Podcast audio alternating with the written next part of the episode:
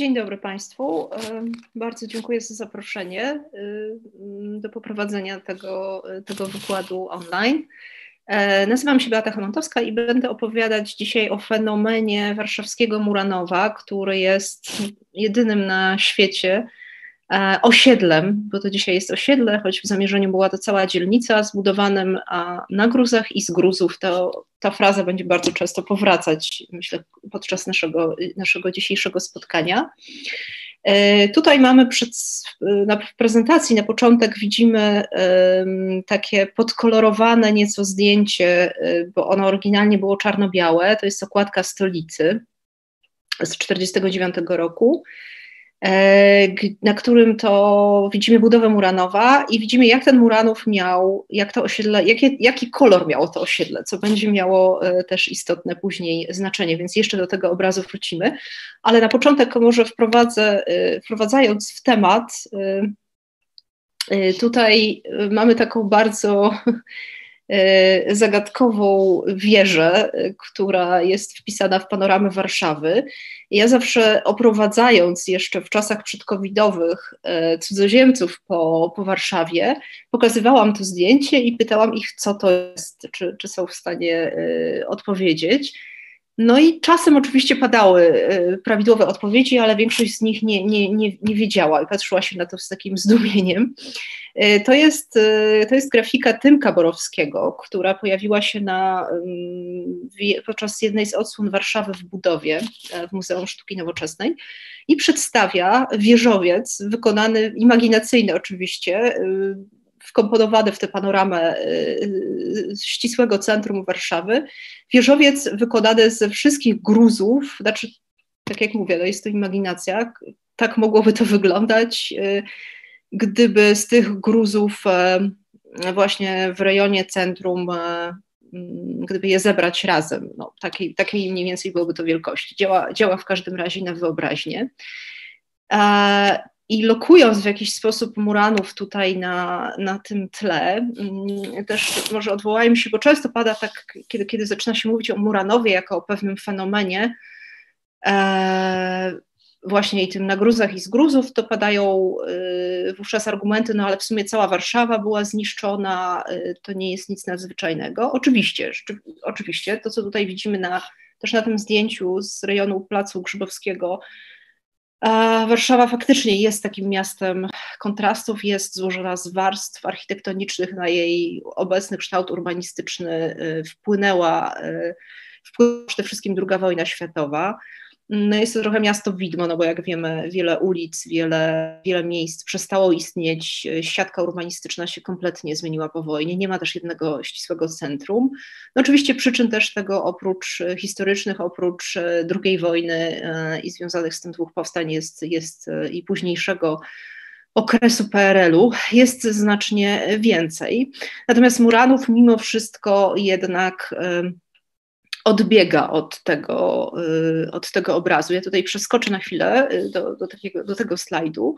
Tutaj mamy zdjęcie lotnicze z 1945 roku, na którym widzimy, jak ten obszar y, w, w ścisłym centrum Warszawy wyglądał po, tuż po zakończeniu wojny. Więc nawet na tle tej zrujnowanej Warszawy, której stopień zniszczeń był tak ogromny, że architekci z Biura Odbudowy Stolicy zastanawiali się zupełnie poważnie wspólnie z, z, z rządem lubelskim, czy w ogóle jest sens, jest sens, aby w Warszawie mieściła się stolica, bo może lepiej ją przenieść do Krakowa lub do Łodzi i bardzo duże dyskusje się na ten temat toczyły w tym środowisku. No to nawet na tym tle warszawskich, ogólnowarszawskich zniszczeń Muranow był taką swoistą Muranów i w ogóle teren dawnego getta. Zaraz sobie zdefiniujemy też może tutaj te granice, e, co, jest, co się w czym zawiera. Mm, był taką, można powiedzieć, białą plamą, albo jak ktoś woli, czarną dziurą w ścisłym e, centrum e, miasta. I, I to jednak ten, ten, ten stan destrukcji, ten stopień destrukcji był o wiele wyższy niż, niż w ścisłym centrum. Mówiąc o Muranowie, bo tutaj będziemy podczas dzisiejszego naszego spotkania poruszać kilka wątków, nie, nie, nie jest to nieuniknione. Mm, będziemy mówić o Muranowie jako o szczególnym miejscu pamięci. ze względu na to, że Muranów był historycznie, ta nazwa funkcjonowała równolegle, powiedzmy, z drugą taką nazwą Dzielnica Północna. No i to był, można powiedzieć, północny obszar, północna część y, śródmieścia warszawskiego. Getto, które, y, które, które tutaj y, odcisnęło piętno na późniejszym kształcie tego, tego miejsca, obejmowało oczywiście od 40 roku znacznie większy obszar Warszawy, znacznie większy obszar y, śródmieścia. Y, mm, dzisiaj pokazują to takie znaczniki w chodnikach y, w, z napisem mur getta, granica muru getta. I jak Państwo chodzicie i patrzycie się pod nogi, to być może ktoś z Was zauważył, że południowa granica tego getta jest taki znacznik, który przycina mniej więcej w połowie chodnik przed Pałacem Kultury i Nauki. Także to była znacznie większa, większy obszar. E, granica południowa Muranowa e, to jest powiedzmy dawna ulica Leszno, czyli ulica Solidarności, dzisiaj Aleja Solidarności, a północna e, to, jest, to są tereny powiedzmy torów dworca gdańskiego, ulica Słomińskiego. Od strony zachodniej to jest ulica Okopowa, a od wschodu no można powiedzieć, y, ulica Andersa, mm, plac bankowy, tak, plac bankowy tam w, i ulica Bohaterów Getta w miejscu, gdzie dochodzi do, do Długiej, to jest mniej więcej ta granica między Muranowem a Nowym Miastem. E, historycznie, jak mówię, była to dzielnica północna, e, tak zwana, dzielnica, która rozwijała się tak urbanistycznie stosunkowo późno, bo tak naprawdę jej taki największy szczyt rozwoju przypadł gdzieś na początek XIX wieku, e, co też później będzie miało swoje, swoje znaczenie jakby dla tych kolejnych przeobrażeń Muranowa dlatego że i zaczęła się rozwijać jako, jako dzielnica żydowska, chociaż tutaj warto wspomnieć, że mówiąc o Muranowie jako o dzielnicy żydowskiej, nie do końca jesteśmy precyzyjni, to trzeba ująć w cudzysłowie, ponieważ to nie była właśnie dzielnica wydzielona specjalnie dla mieszkańców żydowskich e, w mieście, tak jak na przykład miało to miejsce na Kazimierzu gdzie, krakowskim, gdzie powstało odrębne miasto de facto z, dla, dla Żydów. E, tutaj była odwrotna sytuacja, mianowicie we wcześniejszych wiekach, XVI-XVII mm, wiek, były różne edykty, y, edykty królewskie, które zabraniały e, Żydom osiedlania się w, w bardziej powiedzmy reprezentacyjnych dzielnicach, obszarach Warszawy. No a ten teren był akurat taki mm, niezbyt gęsto zabudowany, składał się z licznych jurydyk, dużo zieleni, jakieś takie pałace, y, których relikty jeszcze do dzisiaj, y, do dzisiaj mamy, posiadłości, czy to klasztorne, czy to magnackie. E, więc y, nadawał się doskonale tutaj do, do zamieszkania, do przekształcenia w taką dzielnicę właśnie typowo XIX-wieczną miejską. To się zaczęło właśnie wówczas dziać. No i zaczęto mówić właśnie wówczas o tej ulicy, o tej dzielnicy, przepraszam, e, północnej, czy też czasem wymiennie dzielnicy Nalewkowskiej, ponieważ tutaj główną ulicą była ulica Nalewki, dzisiaj zachowana w bardzo szczątkowym e, fragmencie. Szczególne miejsce pamięci, mówię o tym, bo ta właśnie ta historia żydowska, która została przerwana później poprzez e, w czasie II wojny światowej, poprzez okres getta, jest bardzo istotnym elementem tożsamościowym Muranowa. Jednak te, ten okres, y, nie tak długi zresztą no, w całej historii Warszawy, wy, wywarł tutaj dość y, istotne piętno. Czyli jest z jednej strony jakby skupia w sobie te cechy mm, właśnie w cudzysłowie dzielnicy żydowskiej, nieistniejącej. To mamy tą pierwszą warstwę Muranowa, bo będę o tym mówić, dlaczego to zniknęło i co się, dlaczego nie wróciło i tak dalej. E, ale to jest właśnie ta warstwa historycznej zabudowy, e, kompletnie imaginacyjna, bo po, po wojnie właściwie tych ostańców na Muranowie pozostało może kilkanaście. Taki był ten stan zniszczeń. E, a z drugiej mamy też pamięć w postaci miejsca, miejsca zagłady. Więc mamy jeden wielki cmentarz de facto tutaj, czyli takie połączenie trochę no, tego, tej imaginacyjnej dzielnicy już w tym momencie, której, którą możemy tylko e, sobie oglądać na archiwalnych zdjęciach. No i miejsce zagłady jak najbardziej realnego, które jest ciągle wielkim cmentarzem, bo nie było tutaj ekshumacji. Do tego wątku też powrócę, bo on jest również istotny właśnie dla projektu e, Bogdana Lacherta. E, tutaj mamy, tutaj właśnie możemy zobaczyć, to jest takie ikoniczne zdjęcie z 1945 roku. Ono występuje w kilku wersjach. Przedstawia samotny kościół świętego Augustyna na ulicy Nowolipki wśród właśnie takiego morza gruzów, a po prawej już widzimy zapowiedź tego, co przyjdzie niebawem za kilka lat, czyli nowego Muranowa. Widzimy też właśnie, jak ten krajobraz się tutaj zmienia. No i szczególne miejsce pamięci mamy do tego kolejny element. Otóż no właśnie jest to Muradów po, po wojnie stał się, stał się dzielnicą mieszkaniową. Dzisiaj jest to projektowane jako dzielnica mieszkaniowa, dziś jest osiedlem, które właśnie zawiera się w granicach dwóch dzielnic administracyjnie, um, czyli Śródmieścia i Woli. Nie dość fortunny podział, no ale to też jakby jest osobna, osobna sprawa. E, więc jest osiedlem mieszkaniowym, jest miejscem, gdzie, gdzie żyją ludzie na co dzień. Nie jest takim miejscem pamięci, z jakim mamy do czynienia, nie wiem, w przypadku Auschwitz y, choćby, gdzie to jest jakiś wydzielony teren przeznaczony na, y, na, na, na muzeum.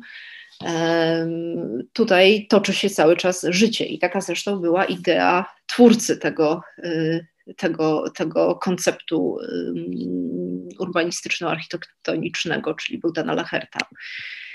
E, z tym, o czym powiedziałam, wiążą się też inne wątki, inne tematy, czy też wyzwania, o których, o których mam nadzieję wspomnieć. E, to jest kwestia poczucia przynależności, e, zarówno ze strony tych dawnych mieszkańców, czy bardziej ich potomków, czy też ludzi jakoś wędrujących ich śladami, czyli ta żydowska tożsamość tutaj i poczucie przynależności do Muranowa z nią związane, jak również, czyli tutaj mamy właśnie też takie zdjęcie kompletnie historyczne tego miejsca, byście Państwo nie poznali dzisiaj, znaczy szukając go, nie, nie, nie bylibyście w stanie sobie wyobrazić, gdzie ono jest. Ono jest teraz zwykłym podwórkiem jednego z bloków, a to był wielki plac muranowski.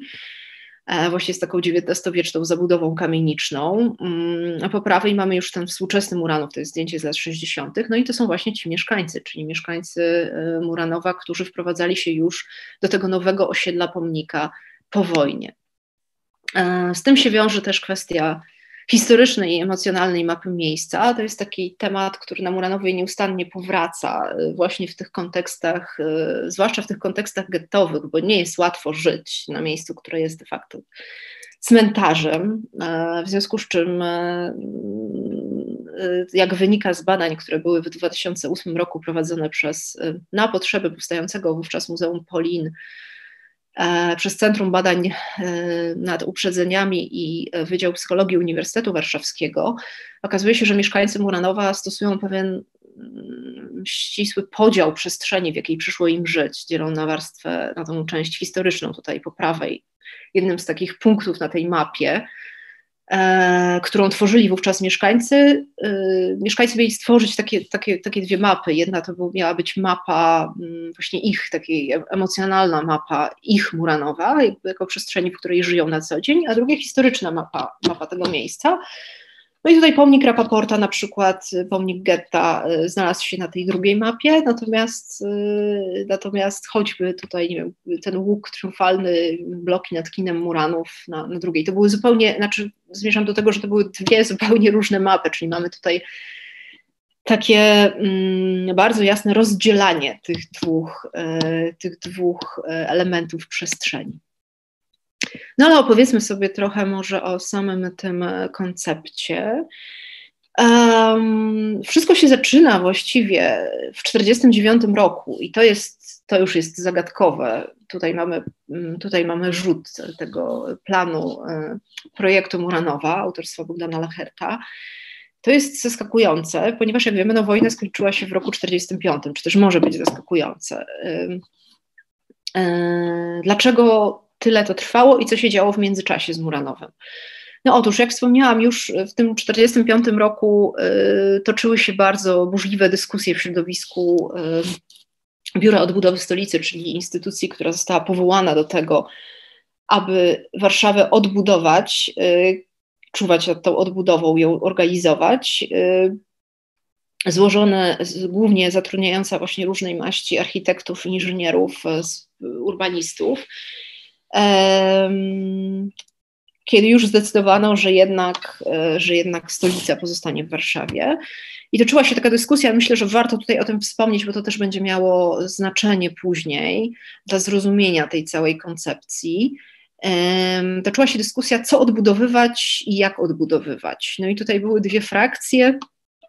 Jedna złożona powiedzmy z bardziej tradycyjnie nastawionych e, nastawionych urbanistów i historyków sztuki, którzy twierdzili, że należałoby Warszawę zrekonstruować właściwie taką, jaka była przed wojną. E, I drugiej, drugiej, która wkrótce już uzyskała dominującą trochę pozycję, mianowicie modernistów przedwojennych, którzy, jak wiemy, mieli trochę pecha, ponieważ kiedy Stefan Starzyński przed wojną snuł plany zabudowy, rozbudowy, przebudowy Warszawy właśnie w tym takim e, monumentalnym trochę, ale też bardzo, bardzo nowoczesnym e, duchu, no przyszła wojna, więc te różne zamierzenia tylko częściowo się udało zrealizować. A, a dla modernistów no, ta stara Warszawa była jakimś, zresztą z, która nie przedstawiała się tak urokliwie we wszystkich jej obszarach, jak to przedstawiano, często mówiąc o Paryżu Północy i dalej. Problemy mieszkaniowe, biedne dzielnice, to nie tylko były Aleje Ujazdowskie i Nowy Świat, i Marszałkowska. Ta dzielnica Nalewkowska na północy no, też miała, miała chyba więcej pod takim względem e, jakości życia, jakości codziennego, codziennego mieszkania wad niż zalet. E, więc kiedy, kiedy toczyły się, dla nich to, to, ta, ta przedwojenna Warszawa była jakimś takim reliktem, chcieli budować zupełnie w inny sposób, według zasad e, karty atejskiej, według, e, według podejścia Korbuzjerowskiego. Chcieli, aby zabudowa była rozgęszczona, były szerokie ulice, żeby dochodziło światło, powietrze, zieleń. Właśnie to, co tutaj widzimy na tym e, planie, to jest, to jest, to jest wytwór tego typu podejścia. No i ostatecznie w tych dyskusjach e, przeważyło podejście mieszane, nazwijmy to, czyli uznano, że mm, zachowane zostaną, czy zrekonstruowane zostaną te elementy tkanki miejskiej Warszawy, które były charakterystyczne dla jej tożsamości, czyli właśnie mówimy tutaj o Starym Mieście, mówimy o Świecie, mówimy o Zamku Królewskim, którego odbudowa się trochę przeciągnęła w stosunku do planów. E, natomiast absolutnie, natomiast reszta miała zostać już odbudowana, e, większość tego najbardziej zniszczonego obszaru Śródmieścia już w zupełnie nowym duchu.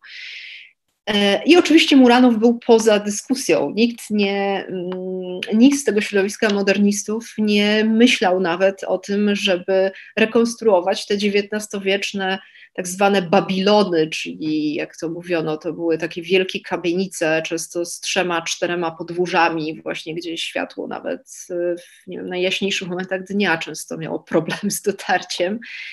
E, no typowe takie czynszówki, gęsta zabudowa, niewiele zieleni, no w ogóle, a poza tym też Muranów nie miał swoich, e, nazwijmy to, rzeczników, którzy by się upominali tutaj o, o cokolwiek, no bo większość jego mieszkańców po prostu zginęła, została zamordowana. A ci, którzy przeżyli, też jakoś nie za bardzo kwapili się, żeby, żeby tam wracać. To było miejsce naznaczone traumą. No i co się dzieje przez ten, bo tutaj mamy nagle ten plan 49-45, mamy te dyskusje. Um, zaczyna się pojawiać ta fraza na gruzach i z gruzów tutaj. E, no otóż no, Muranów był tak e, zniszczony, tak zgruzowany, e, w niektórych miejscach, to tutaj widać na tym zdjęciu choćby, prawda, w niektórych miejscach te gruzy sięgały kilku pięter. Oczywiście to nie było wszystko takie jednorodne, były też obszary wyczyszczone, o czym, o czym też wspomnę później a trochę bardziej. No i należało, pierwszą rzeczą, którą należało zrobić, to było przebicie, przebicie połączenia e, z, z, z, północy Warszawy, czyli z Żoliborza na, na południe, czyli odgruzowanie takiej głównej ulicy, dawnych nalewek. Obecnie to jest ulica Andersa. Mm. no i tutaj prace zaczęły się toczyć. Ona pierwotnie dostała nazwę w ogóle Nowomarszałkowskiej, jako przedłużenie ulicy Marszałkowskiej w kierunku północnym, no bo nie było po prostu ciągu komunikacyjnego. E, tutaj widzimy taką śmieszną wagonetkę z napisem Tito. Mm, to wypływa z tego, że osoby, które pierwsze trafiły de facto na Muranów e, żeby tam pracować przy tym odgruzowywaniu. Pierwsze powiedzmy po szabrownikach, no, którzy się tam już pojawili w styczniu 1945 roku, a tutaj mamy lato y, roku 1945. To była młodzież, taka, taka zbieranina trochę wojennej młodzieży, która się zaciągnęła do brygady imienia Janka Krasińskiego, bo tak się to nazywało. E, rozbiła obóz w parku Traugutta i, e, no i sukcesywnie przy pomocy dość prymitywnych narzędzi zaczęła odgruzowywać właśnie ten teren tą przyszłą, e, przyszłą ulicę. Tito, ponieważ mieli pomagierów z różnych krajów, i między, między nimi, oprócz tam Włochów, Czechów, byli także przez pewien czas Jugosłowianie, dopóki przyjaźń polsko-jugosławska E, się nie zachwiała pod wpływem wydarzeń międzynarodowych. No a później, e, i właśnie to już to, to Muranów, kiedy się śledzi prasę z, od tego okresu, dla 1945 roku, no właśnie ta fraza na gruzach i z gruzów pojawia się, przewija się nieustannie. Później Muranów odgruzowywano już, e, już właściwie non-stop i to, co znamienne, mniej więcej do, jeszcze do końca lat 50. nawet, ponieważ e, tego gruzu było tam tyle. Były specjalne organizowane takie wyjścia na odgruzowywania, e, dni odgruzowywania z zakładów pracy. Tutaj właśnie mamy zdjęcie też archiwalne ze stolicy, które to pokazuje. E, w październiku. Po prostu całe, e, całe, całe, całe zakłady pracy e, przywożono, przywożono tam autokarami i ludzie po prostu pracowali na tym kursowisku. Szkoły, a byli też goście zagraniczni, których przywożono, więc tam nieustannie jakby um, nieustannie ten teren oczyszczano, co też pokazuje jakby skalę problemu, z którą się później właśnie musiał zmierzyć architekt Lachert. E, czyli twórca tego konceptu osiedla pomnika. Co jeszcze się dzieje? Powstaje pierwszy pomnik e, getta. To jest w roku już e, też zaraz po wojnie.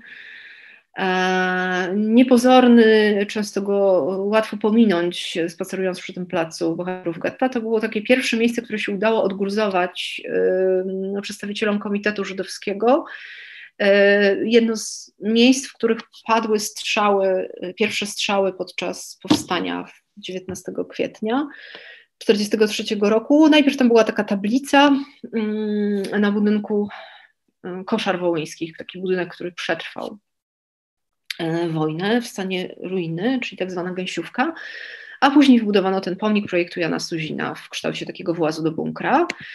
Później mamy pomnik getta, powstaje, autorstwa e, Natana Rapaporta. E, to jest osobna historia, nie będę, nie będę jej tutaj opowiadać, bo nie starczy czasu, ale też widzicie Państwo tutaj te, e, jakby tę pracę wykonaną, żeby odgruzować teren pod ten przyszły pomnik i widzimy, jak się przedstawia tutaj otoczenie. Nawet bardziej to jeszcze tutaj widać na tym zdjęciu. Mamy tutaj takie jeszcze zwały gruzów w tle. Ten pomnik stoi tak pośrodku niczego kompletnie to, to widać, ale co jest ważne w tym pomniku, to to, e, że tutaj zastosowano taką, mm, taki trochę element alchemiczny, muszę powiedzieć. Otóż do jego wykonania użyto, i to będzie, i, i to, znaczy nie, nie ma, najpewniej, e, na pewno Bogdan Lachert projektując osiedle Muranów o tym wiedział, ponieważ recenzował ten e, pomnik od strony plastycznej w, w takim czasopiśmie Głosu Plastyków, więc, więc doskonale wiedział, jak to powstało. Otóż ten pomnik, tutaj ta jego zasadnicza część, powstała z granitu o nazwie Labradoryt, e, który Centralny Komitet Żydowski sprowadził ze Szwecji e, po zakończeniu wojny, to przypłynęło statkiem. I tenże granit miał pierwotnie y, posłużyć do wzniesienia pomnika Hitlera w Berlinie. Niemcy hitlerowskie złożyły takie właśnie zamówienie w Hünenstrand w Szwecji. No ale później losy wojny się, szala, szala się przychyliła na korzyść aliantów i, no i nie, nie, nie zrealizowano tego zamówienia. A więc bardzo świadomie tutaj wykorzystano jakby materiał, który miał posłużyć do powiedzmy gloryfikacji czegoś złego, e, do stworzenia pomnika pamięci ofiar mm, i, i, i, bojowników e, czy też uczestników powstania w getcie, bo ten pomnik ma dwie strony, więc to nie chodzi tylko o ludzi, którzy walczyli czynnie z bronią w ręku. E, więc Lachert o tym wie. No i to są jakby jedyne, jedyne takie znaczące tutaj nowe elementy, które powstają do tego 1949 roku. Tutaj mamy plan, plan tego nowego osiedla i teraz co, jak i dlaczego ono miało wyglądać. Może jeszcze pokażę to, to tutaj będzie widać. Otóż Bogdan Lachert, też jeden z modernistów właśnie i członek Biura Odbudowy Stolicy, e, przed wojną także współzałożyciel takiej grupy awangardowej Prezes, którą w dużym uproszczeniu można, nie wiem, nazwać polskim Bauhausem, bo ona skupiała E, zarówno miała mieć taki charakter trochę interdyscyplinarny, skupiała zarówno architektów, urbanistów, ale również e, rzeźbiarzy, plastyków, e, fotografów, tam między innymi działał, działali Strzemiński i Kobro przez pewien czas. Otóż on przed wojną ze swoim przyjacielem Józefem Szynajcą tworzyli taki tandem, taki, taki duet y, architektoniczny, realizując, y, w sumie stworzyli około 150 projektów, z czego połowa mniej więcej się doczekała realizacji. I byli taką nieodłączną spółką, y, przyjaźniąc się również na gruncie prywatnym. To było dość częste dla tego środowiska modernistów, e, takie działanie właśnie w parach czy w grupach, weźmy choćby e, małżeństwo brukalskich, czy małżeństwo cyrkusów też z tego, z tego środowiska, czy, czy, czy też inne przy, przy, przykłady można by tu przytaczać przywoływać. E, no i niestety podczas wojny, już we wrześniu 1939 roku, te przyjaźnie przerwała śmierć Szanajcy, który zginął.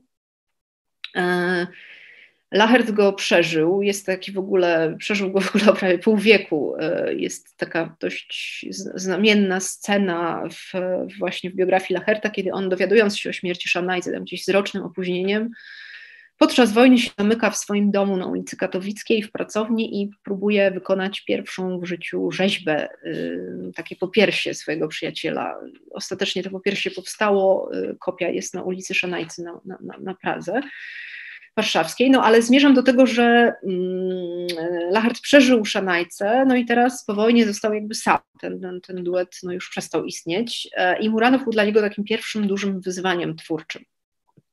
E, w związku z czym podszedł do tego, podszedł do niego dość ambitnie. Mm, e, patrząc się na to, co zastał tam, znaczy robiąc sobie taką powiedzmy wizję lokalną, na tym terenie getta, e, no doszedł do wniosku bardzo szybko, że nie da się tutaj, e, nie, nie, ma, nie ma fizycznej możliwości, aby ten teren oczyścić e, w krótkim czasie, pozwalającym na wzniesienie tam nowej dzielnicy, jak o tym, co miało tam powstać, myślę, myślał.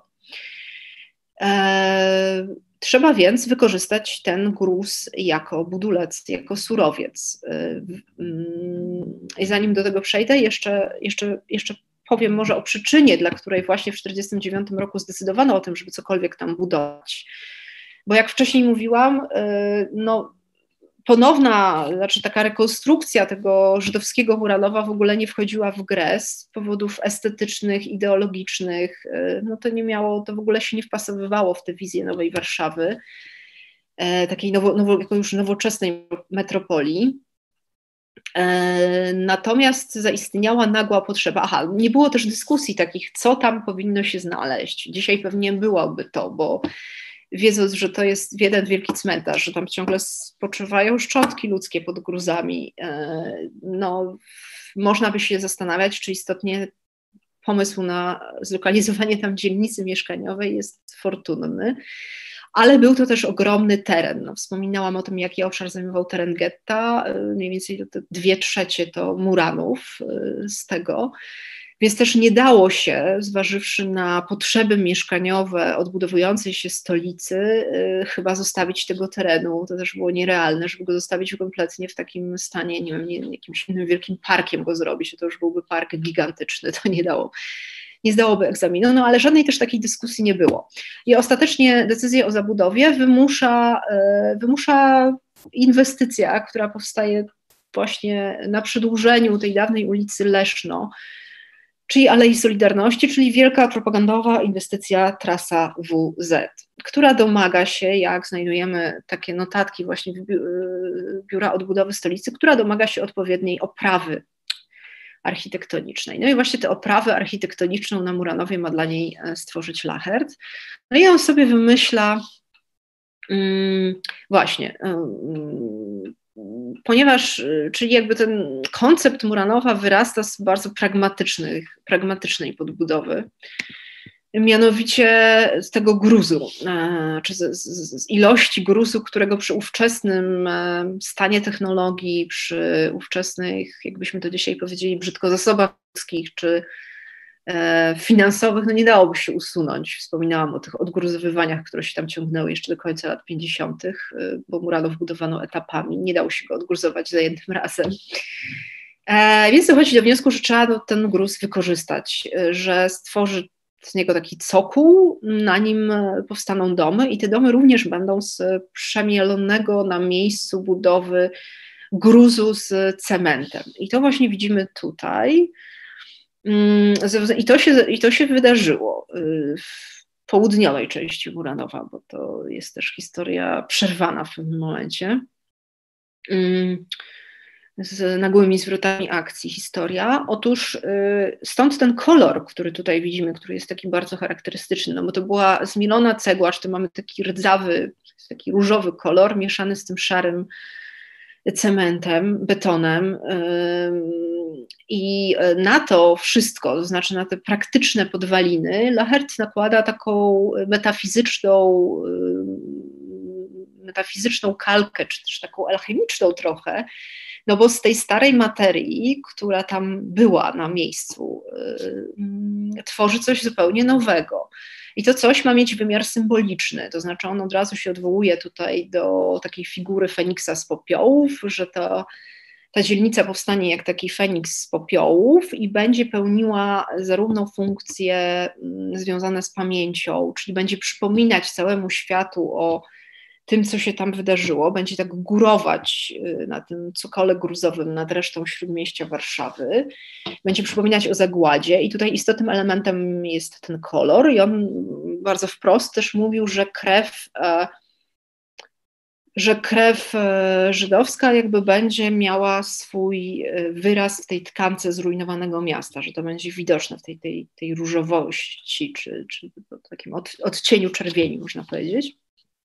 E, ale z drugiej strony na, właśnie ten Feniks z popiołów, czyli na starych gruzach powstanie nowe życie. Czyli mamy tutaj bardzo podobną historię jak z pomnikiem Rapaporta, z czegoś, co jest e, świadectwem śmierci, materią śmierci, bo to mamy też fizyczną materię, nie tylko ten zgruzowana, zgruzowana architektoniczna tkanka miejska, ale także kości ludzkie, wszystko pioły, to wszystko, co tam jest, cała ta materia, co tam jest do dzisiaj. Um, i to wszystko, co tkwi pod, um, pod chodnikami współczesnego Muranowa, e, piwnice starych e, budynków, e, to nigdy nie było eksplorowane, nigdy nie, był, nie było tam też żadnych ekshumacji, zresztą gdyby podejść do sprawy od strony, um, od strony przepisów religijnych, to ekshumacji w judaizmie nie wykonuje się.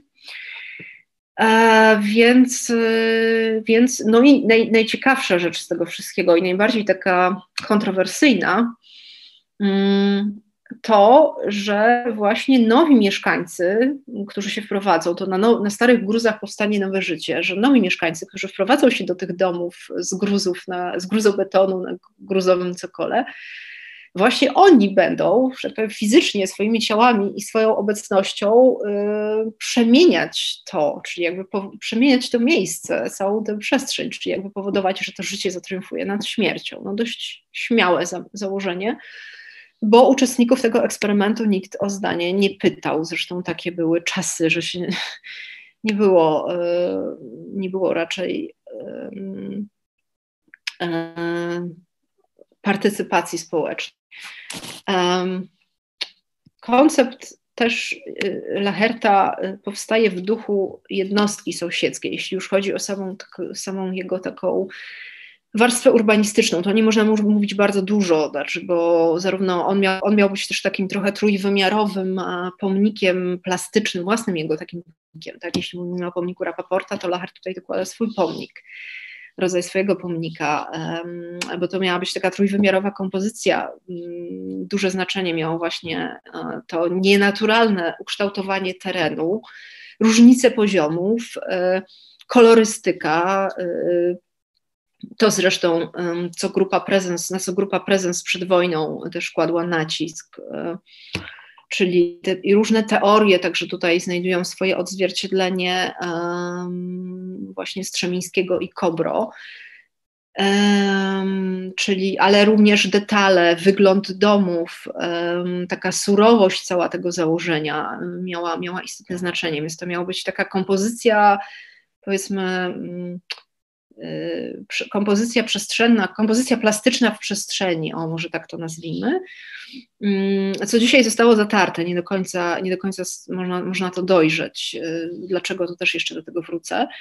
A jeśli chodzi o samo, samą taki plan urbanistyczny, no to tutaj Lachert się inspirował e, koncepcją jednostki sąsiedzkiej Claresa Artura Perriego to z początku XX wieku ze Stanów Zjednoczonych, gdzie cały obszar tej dzielnicy, która była planowana mm, jako miejsce zamieszkania dla od tam różne padały szacunki, 40 do 60 tysięcy mieszkańców.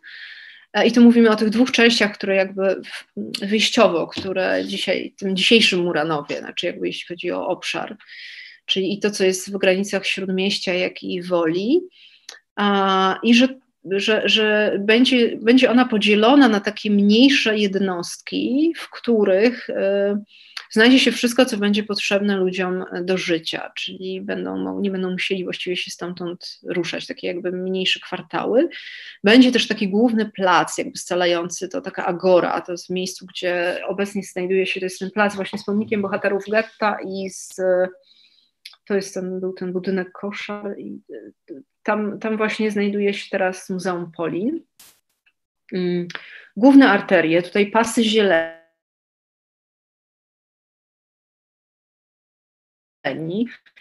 E, Lachert oczywiście nie, nie realizował tego projektu sam. E, ta pracownia się nazywała Muranów i skupiała tam wników. Więc była też w tym zespole osoba, to był profesor Kobenza, odpowiedzialny za zieleń, bo zieleń była tutaj dużym wyzwaniem, jako że Yy, no ona miała jakoś równoważyć surowość tego założenia, ale dużym wyzwaniem także ze względu na to gruzowe podłoże. Trzeba było specjalnie selekcjonować yy, gatunki roślin, które mogły tutaj na Muranowie zostać zasadzone. Duże arterie, zewnętrzne arterie i tutaj te wewnętrzne miały być przeznaczone dla ruchu pieszego, przepraszam, dla ruchu kołowego, czyli to jest taka zasada korbuzjerowska, też oddzielenie tych dwóch funkcji, a wszystkie ulice wewnątrz dla ruchu, dla pieszych. I tutaj też w tych kwartałach bardzo tak, bo Lacher też był jednym z, z propagatorów idei osiedla społecznego przed wojną, właśnie wspólnie z cyrkusami czy z brukalskimi. To byli tacy pionierzy, pionierzy y, modernistyczni w Polsce. Więc y, bardzo też zależało na tym, żeby była to przestrzeń taka przyjazna do, do życia i mieszkania. Jakkolwiek to może dziwnie brzmieć w kontekście tego, z czego uklejono, z jakiej materii uklejono to, tę południową część Mulanowa. E, więc y, tutaj y, bloki były ustawiane tak, że w środku miały znajdować się na przykład, i to widać w tej południowej części dzisiaj, czyli powiedzmy idąc od Alei Solidarności w kierunku Nowolipek, Nowolipia, Karmelickiej, to widać w podwórkach, po środku centralnie lokowano przedszkola, żłobki, szkoły, te podwórka też były na tyle zielone i obszerne, że mogło się tam toczyć życie wspólne, taka wspólna przestrzeń. No chodziło też o to, żeby dzieci były pod okiem rodziców, mogły bezpiecznie trafiać do szkół na przykład, czy do przedszkola, nie musiały przychodzić przez ulicę. Też bardzo, bardzo szczegółowo i skrupulatnie Lachert planował rozmaite tutaj y, urządzenia społeczne. Y, właśnie przy tym głównym placu miał się znajdować między innymi taki centralny dom kultury, miał być ratusz, yy, biblioteka, tam miało być różne, muzeum właśnie, planował tam, że tam powstanie Muzeum Walk, yy, Zwycięstwa nad Faszyzmem, co później się zmaterializowało zupełnie nieoczekiwanie w postaci Muzeum Polin mm, dzisiaj. Także to był dość taki mm, przemyślany bardzo, bardzo koncept. Tutaj mamy też, zaplanował sobie trzy typy zabudowy, znaczy cztery oryginalnie, bo jeszcze miały być wieżowce, ale te ze względów ideologicznych powiedzmy nie powstały. E, tutaj mamy taki typ bloku klatkowca, mm, jeden z nich, e, taki właśnie jak mamy nad kinem Muranów. E, inny typ to galeriowce i jeszcze takie wolno stojące domy, które w, rejonie ulicy Karmelickiej można, mm, są, są rozmieszczone z takimi świetlikami z góry oświetla, na, na, w dachu oświetlającymi klatkę schodową. E, tutaj widzimy już, e, no właśnie, e, przechodząc już może do samej tej budowy Muranowa, mm, tutaj mamy, widzimy też jak to wyglądało, to znaczy jaki to był, jakie to było wyzwanie, kiedy mamy tutaj odgruzowywanie i próbę budowania czegoś.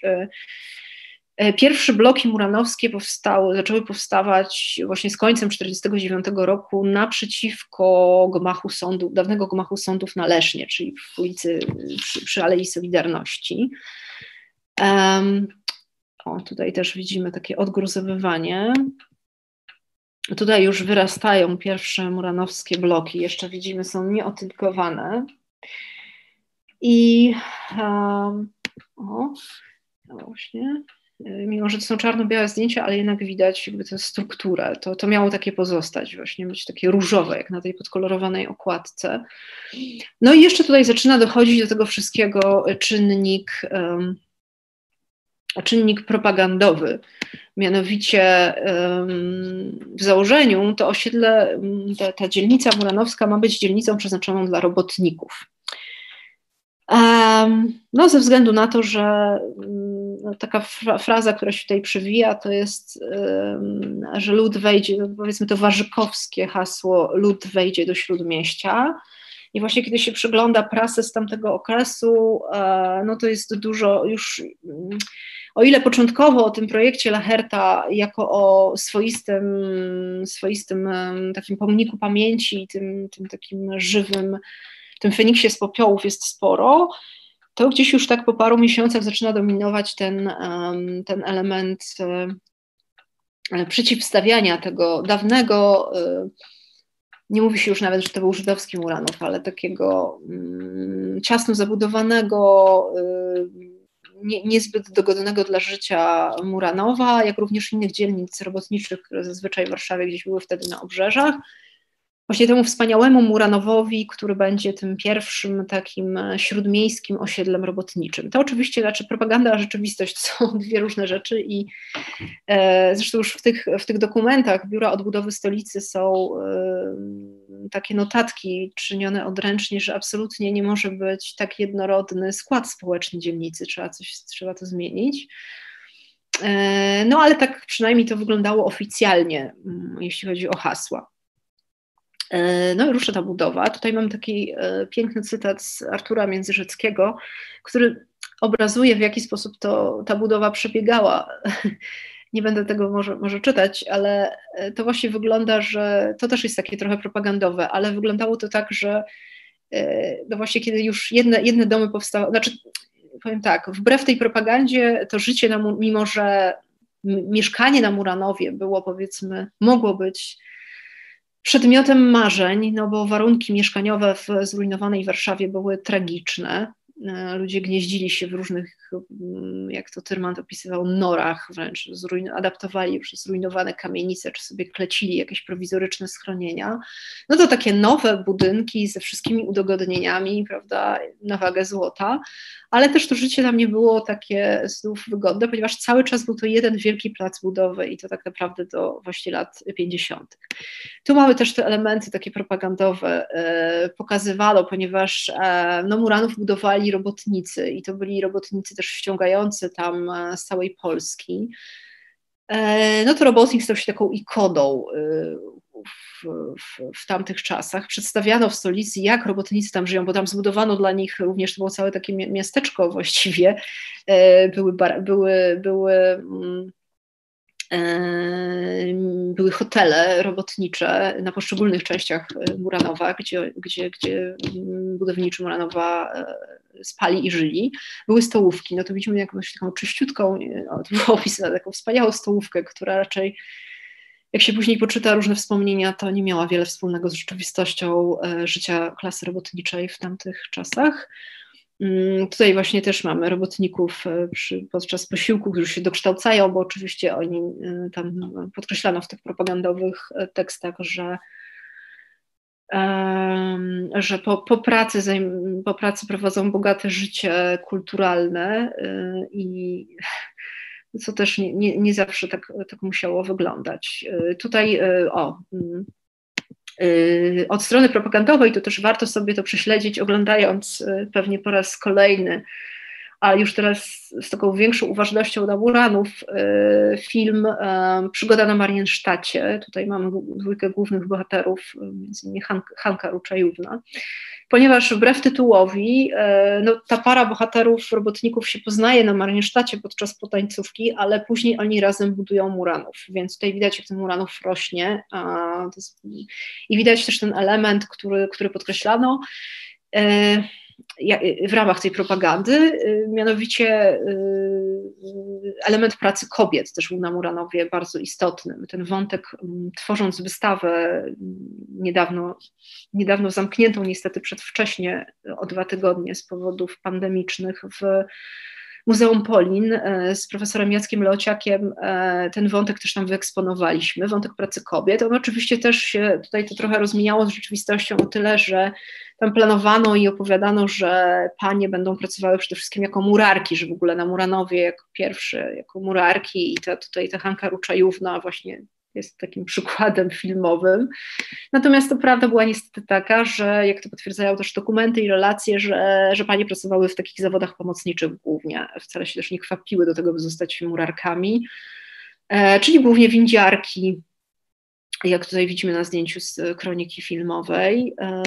No ale były też pierwsza kobieca brygada właśnie też powstała na tym, e, na tym e, obszarze. No i co się później dzieje? Już wracając do samej tej koncepcji, koncepcji Muranowa jako, e, jako osiedla pomnika. Czemu? Bo ja tam wspominałam też, że ta południowa część właściwie tylko powstała w takiej formule, natomiast reszta, e, reszta już nie do końca i że nie widać tak wyraźnie tych e, tych cech, które, które chciał zawrzeć w, tym koncept, w tej koncepcji y, Bogdan Lachert. No otóż, y, no a ma on kolejnego pechać. Moderniści rzeczywiście mieli jakieś takie, nie do końca się im wyszło. Y, otóż z końcem 1949 roku odbywa się tak zwana Wielka Narada Architektów, która przyjmuje jako obowiązującą doktrynę w Polsce socrealizm. To nie tylko w architekturze, ale także we wszystkich innych dziedzinach sztuki. E, I właśnie moderniści, to jest bardzo nieprzyjemne, jest taki zapis e, książkowy stenogramów z tego, z tego posiedzenia. Moderniści zostają tam zmuszeni do tego, aby zanegować te ideały, którymi się do tej pory kierowali, jakby wyprzeć się tych swoich założeń. No i również jest wśród nich Lahertz. No i ten projekt Laherta zostaje mocno skrytykowany. Zarzuca się mu taką właśnie koszarowość, brzydotę, um, jakiś taki, mówi się o tym, że to będzie smutne, źle będzie oddziaływało, źle będą te nieotynkowane ściany oddziaływały na mieszkańców i tak dalej. Oczywiście o tym aspekcie pamięci już tam nie, nie ma mowy. No i on musi przerobić, przerobić ten projekt w duchu socjalistycznym. No więc e, przerabia, znaczy przerabia no, na tyle, na ile się da. E, już właściwie to robią jego uczniowie, ponieważ dla niego to była dość mocna, dość mocny cios e, w jego koncepcję twórczą. Jego uczniowie i jego współpracownicy właściwie to dokańczają, dokańczają i przerabiają, czyli domy zostają otynkowane, a więc ten element pamięci w postaci tych, tej krwi widocznej w ścianach zrujnowanego miasta zanika otrzymują rozmaite ozdóbki, takie mm, mm, gipsowe, upodabniają się, jak to właśnie, o tutaj mamy taką soc kamienicę, to jest na rogu trochę, więc zmienia się też ich kształt niektórych tych planowanych budynków jeszcze wówczas. E, tutaj mamy to skrzyżowanie obecnych ulic Jana Pawła II i Alei Solidarności, właśnie taką wielką soc kamienicę na rogu.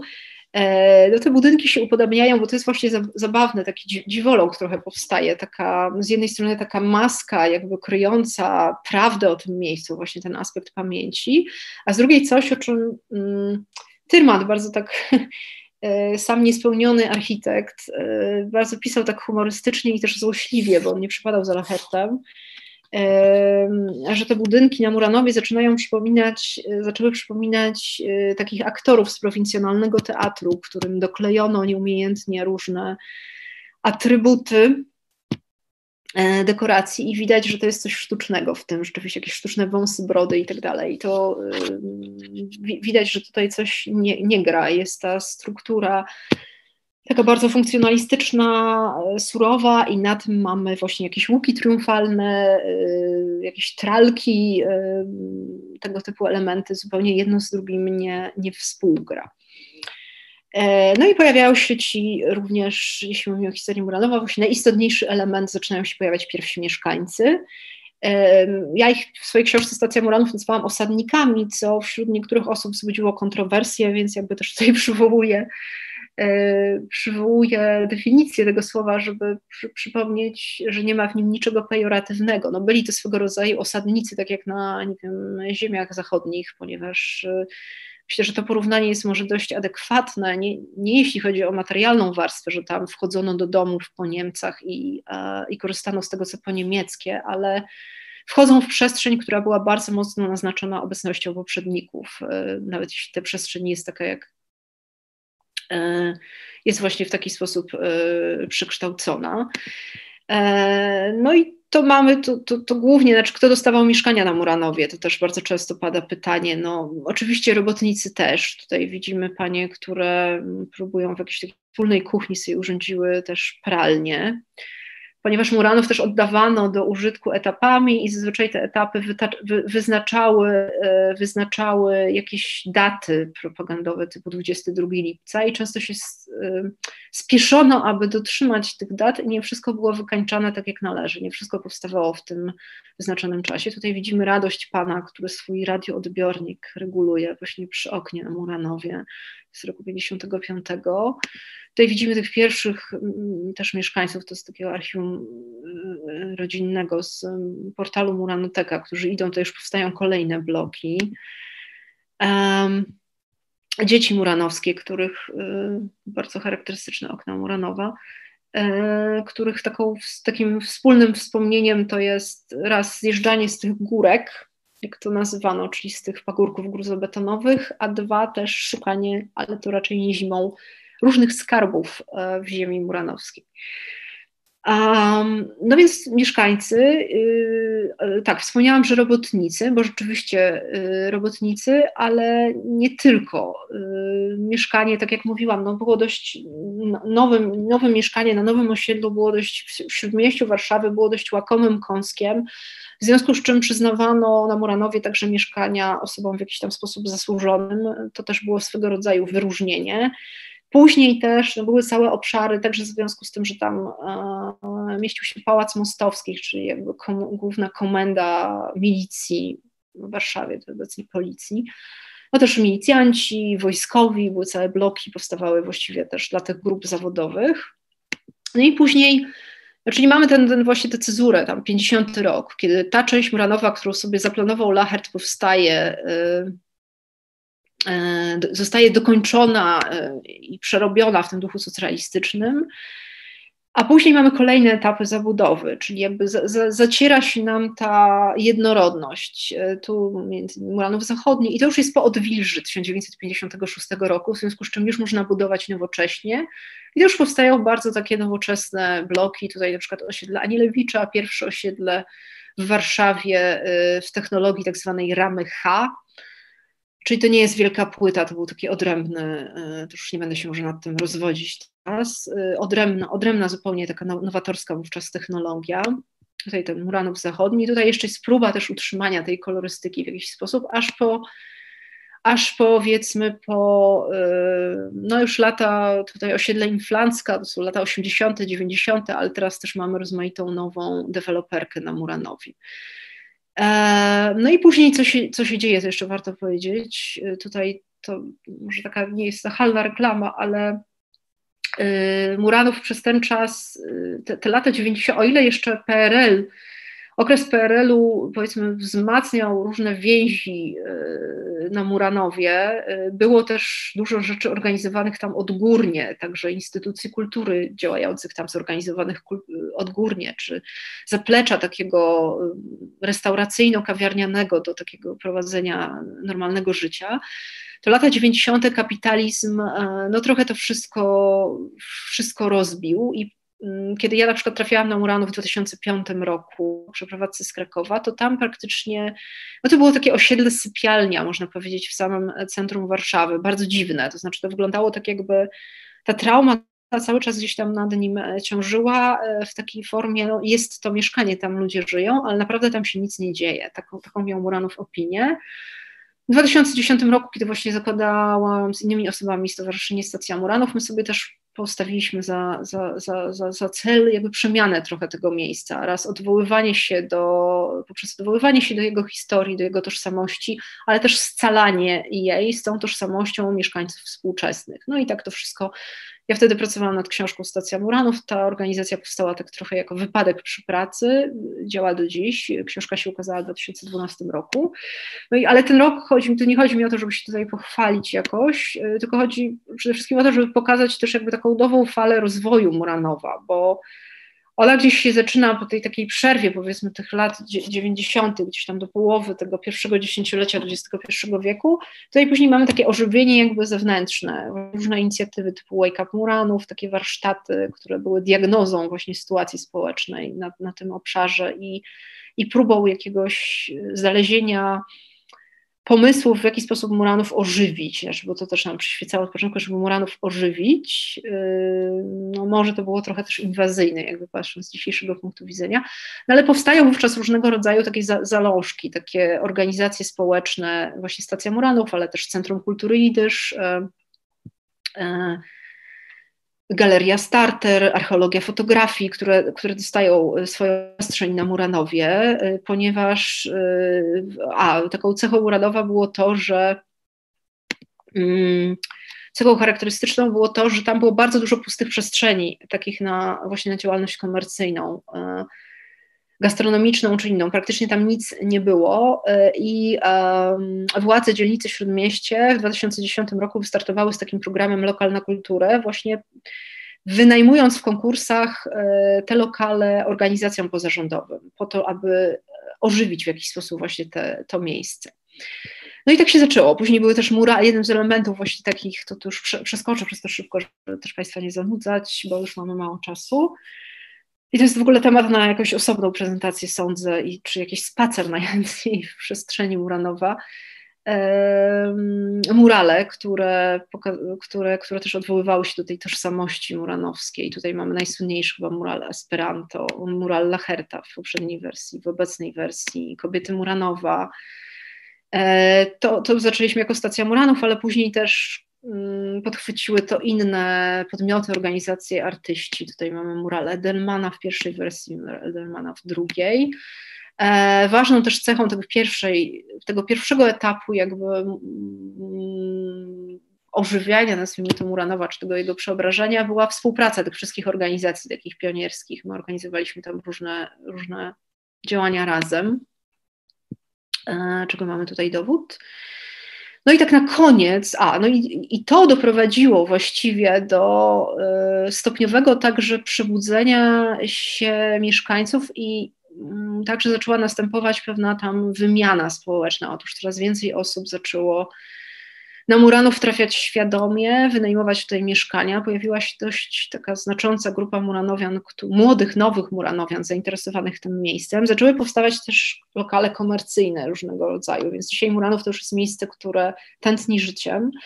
No i do tego się też przyczyniła bardzo istotnie budowa Muzeum Polin, otwartego w 2013 roku, które wypełniło jakby tę lukę z jednej strony kulturalną y, na szerszą skalę, z drugiej też tę lukę mm, opowiadania o żydowskiej tożsamości na Muranowie i historii żydowskiej, ponieważ no, do tej pory jakby wszystko, co się, to, to żydowskie życie toczyło się już nowe, jakby w, i w PRL-u i później toczyło się poza Muranowem, no, czy tam na Muranowa, powiedzmy, Żydowski Instytut Historyczny i przy Placu Grzybowskim, tam gdzie mieściła się większość instytucji.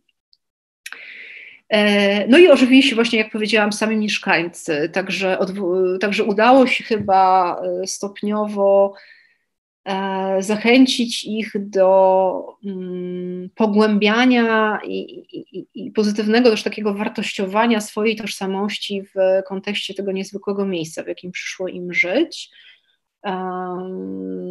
bo ich historia na Muranowie no już też trwa ładnych kilkadziesiąt lat w niektórych przypadkach, więc, y, więc sami działają.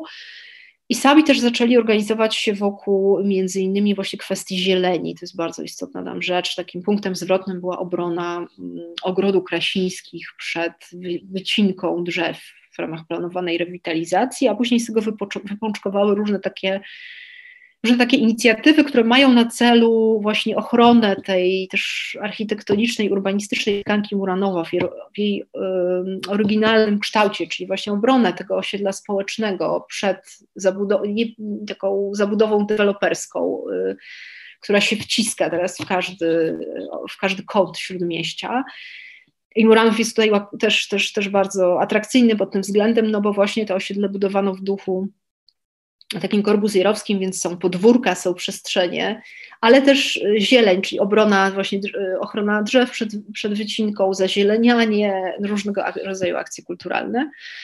I już na koniec, właśnie myślę, że takim też domknięciem, na pewno z mojej osobistej perspektywy y, tej historii, czy tych ostatnich 10 lat ponad historii Muranowa, który się bardzo przez ten czas zmienił i i właśnie odkrywa tą swoją, te swoje korzenie, zarówno właśnie z perspektywy y, tego unikal, unikalnego konceptu osiedla pomnika, jak i tej wcześniejszej historii. Była wystawa w Muzeum Polin, wystawa Tumuranów, o której już wspomniałam, no, która niestety mm, sporo nam tutaj pandemia pokrzyżowała szyki, ale ta wystawa była też szczególna o tyle, że opowiadała o miejscu, którego Muzeum Polin jest częścią i wychodziła od teraźniejszości. Znaczy, opowiadaliśmy o tym, co widać, kiedy się trafia na Muranów, e, wchodząc właśnie w ten palimpsest, w tę wielowarstwowość Muranowa, e, tak e, warstwa po warstwie, krok po kroku. No i na koniec to jest taki eksponat, który no, chyba też mój ulubiony i najbardziej symboliczny eksponat z całej tej wystawy, który właśnie wydaje mi się, że ta historia Muranowa pokazuje w pigułce w jakimś stopniu. To jest taka łyżeczka, ponieważ mm, jak wspominałam, Muranów nie był nigdy, nie było żadnych tutaj ekshumacji, nie było jakiejś takiej dokumentacji archeologicznej pod Muranów rzeczywiście jest na gruzach i pod tymi gruzami jest bardzo wiele tajemnic. Od czasu do czasu, kiedy się otwiera ziemię, e, czy to w przypadku jakiejś akcji artystycznej, tak jak była taka akcja The Cut w ramach rezydencji artystycznych w Muzeum Polin, kiedy artyści wycięli taką, e, taki, taki kwadrat w ziemi w rejonie ulicy Karmelickiej, I tam w tej ziemi się ukazały różne przedmioty, i przychodzący ludzie przez tydzień też zaczynali się otwierać i opowiadali o swoich doświadczeniach z Muranowem. No to jakby ta ziemia muranowska, czy, czy też przy jakichś takich planowanych pracach zwykłych typu wymiana rur, właśnie ten podziemny Muranów się objawia i zaczyna, zaczyna opowiadać historię. No i różne przedmioty się znajdują w tej muranowskiej ziemi. Mm, to też tak od razu powiem, że jakbyście Państwo coś znaleźli, to należy to oddać e, do Muzeum Polin, który taki zbiór takich przedmiotów już ma. No i właśnie tym naj, naj, najciekawszym, najbardziej poruszającym jest fragment takiej łyżeczki znalezionej tutaj, już takiej zaśniedziałej, która zrosła się z całkowicie z kawałkiem drzewa. Mm, czyli jakby te, te, procesy, ta przyroda na Muranowie, już tym nowym Muranowie tutaj robi swoje. Jest to taki, dla nas było to chyba taki najbardziej wzruszający i, najwięcej mówiący o tożsamości, historii tego miejsca, miejsca obiekt. Mm. I tutaj chyba postawię kropkę. E, i może zobaczę, czy są jakieś. E, dziękuję Państwu za, za uwagę e, i zobaczę, czy są jakieś może pytania. Tak.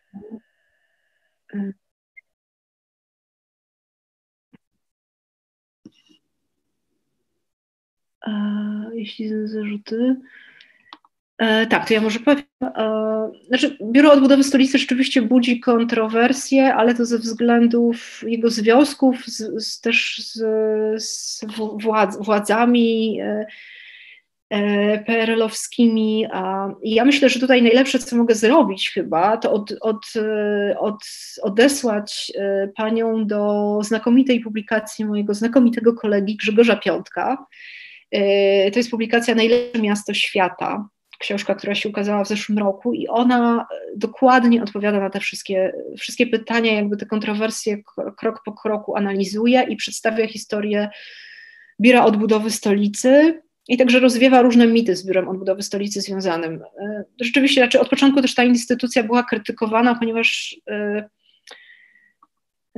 zatrudniała bardzo dużo ludzi, płaciła e, też, też, e, też do, dobre, do, dobre wynagrodzenia tym osobom i Biuro Odbudowy Stolicy sobie za, z, zajęło takie kamienice przy, w Śródmieściu Południowym, więc miało też taką bardzo dobrą lokalizację początkowo w centrum Warszawy. To też znaczy, mówiono po prostu, warszawiacy się irytowali, znaczy były też takie, takie dyskusje na samym początku, że oni się zajmują planowaniem, dyskutowaniem o kształcie miasta, a ludzie nie mają gdzie mieszkać i że jest to taka też trochę grupa, powiedziałabym, e, pięknoduchów i darmozjadów, którzy coś tam radzą, cały czas snują jakieś plany, ale nic jeszcze z tego nie wynika. To myślę, że była na, taka początkowa niechęć do biura odbudowy stolicy, ale także ich bardzo ścisłe połączenie, no ale jakżeż miałoby być, gdy byli organem tej władzy PRL-owskiej. No i o tym wszystkim Grzegorz Piątek tam bardzo szczegółowo opisuje, więc ja myślę, że, że tak, że, że, że odwołam tutaj y, panią do, do tego y, tekstu. I, i tak, y, Leon Marek Suzin, tutaj pan wspomina, i nie wiem, czy powiedziałam z rozpędu, ale Leon Marek Suzin, jego, mia, jego miałam na myśli rzeczywiście ojciec Jana Suzina, tak, był autorem tego pierwszego pomnika i współautorem też koncepcji e, drugiego Rapaporta. On tam też jest wśród, e, wśród e, autorów. Jeśli w rozpędzie tutaj powiedziałam Jan, już nie, nie wiem nawet. Tak, i to tyle, czy jeszcze tam jakieś są Dobrze, to w takim razie dziękuję Państwu raz jeszcze i życzę pięknego dnia chyba słonecznie będzie i, e, i mam nadzieję, że mm, będziecie Państwo chcieli na, jakąś, na własną rękę może odkrywać Muranów e, e, z, to, z tą wiedzą, którą dzisiaj starałam się przekazać. Dziękuję bardzo. Do widzenia.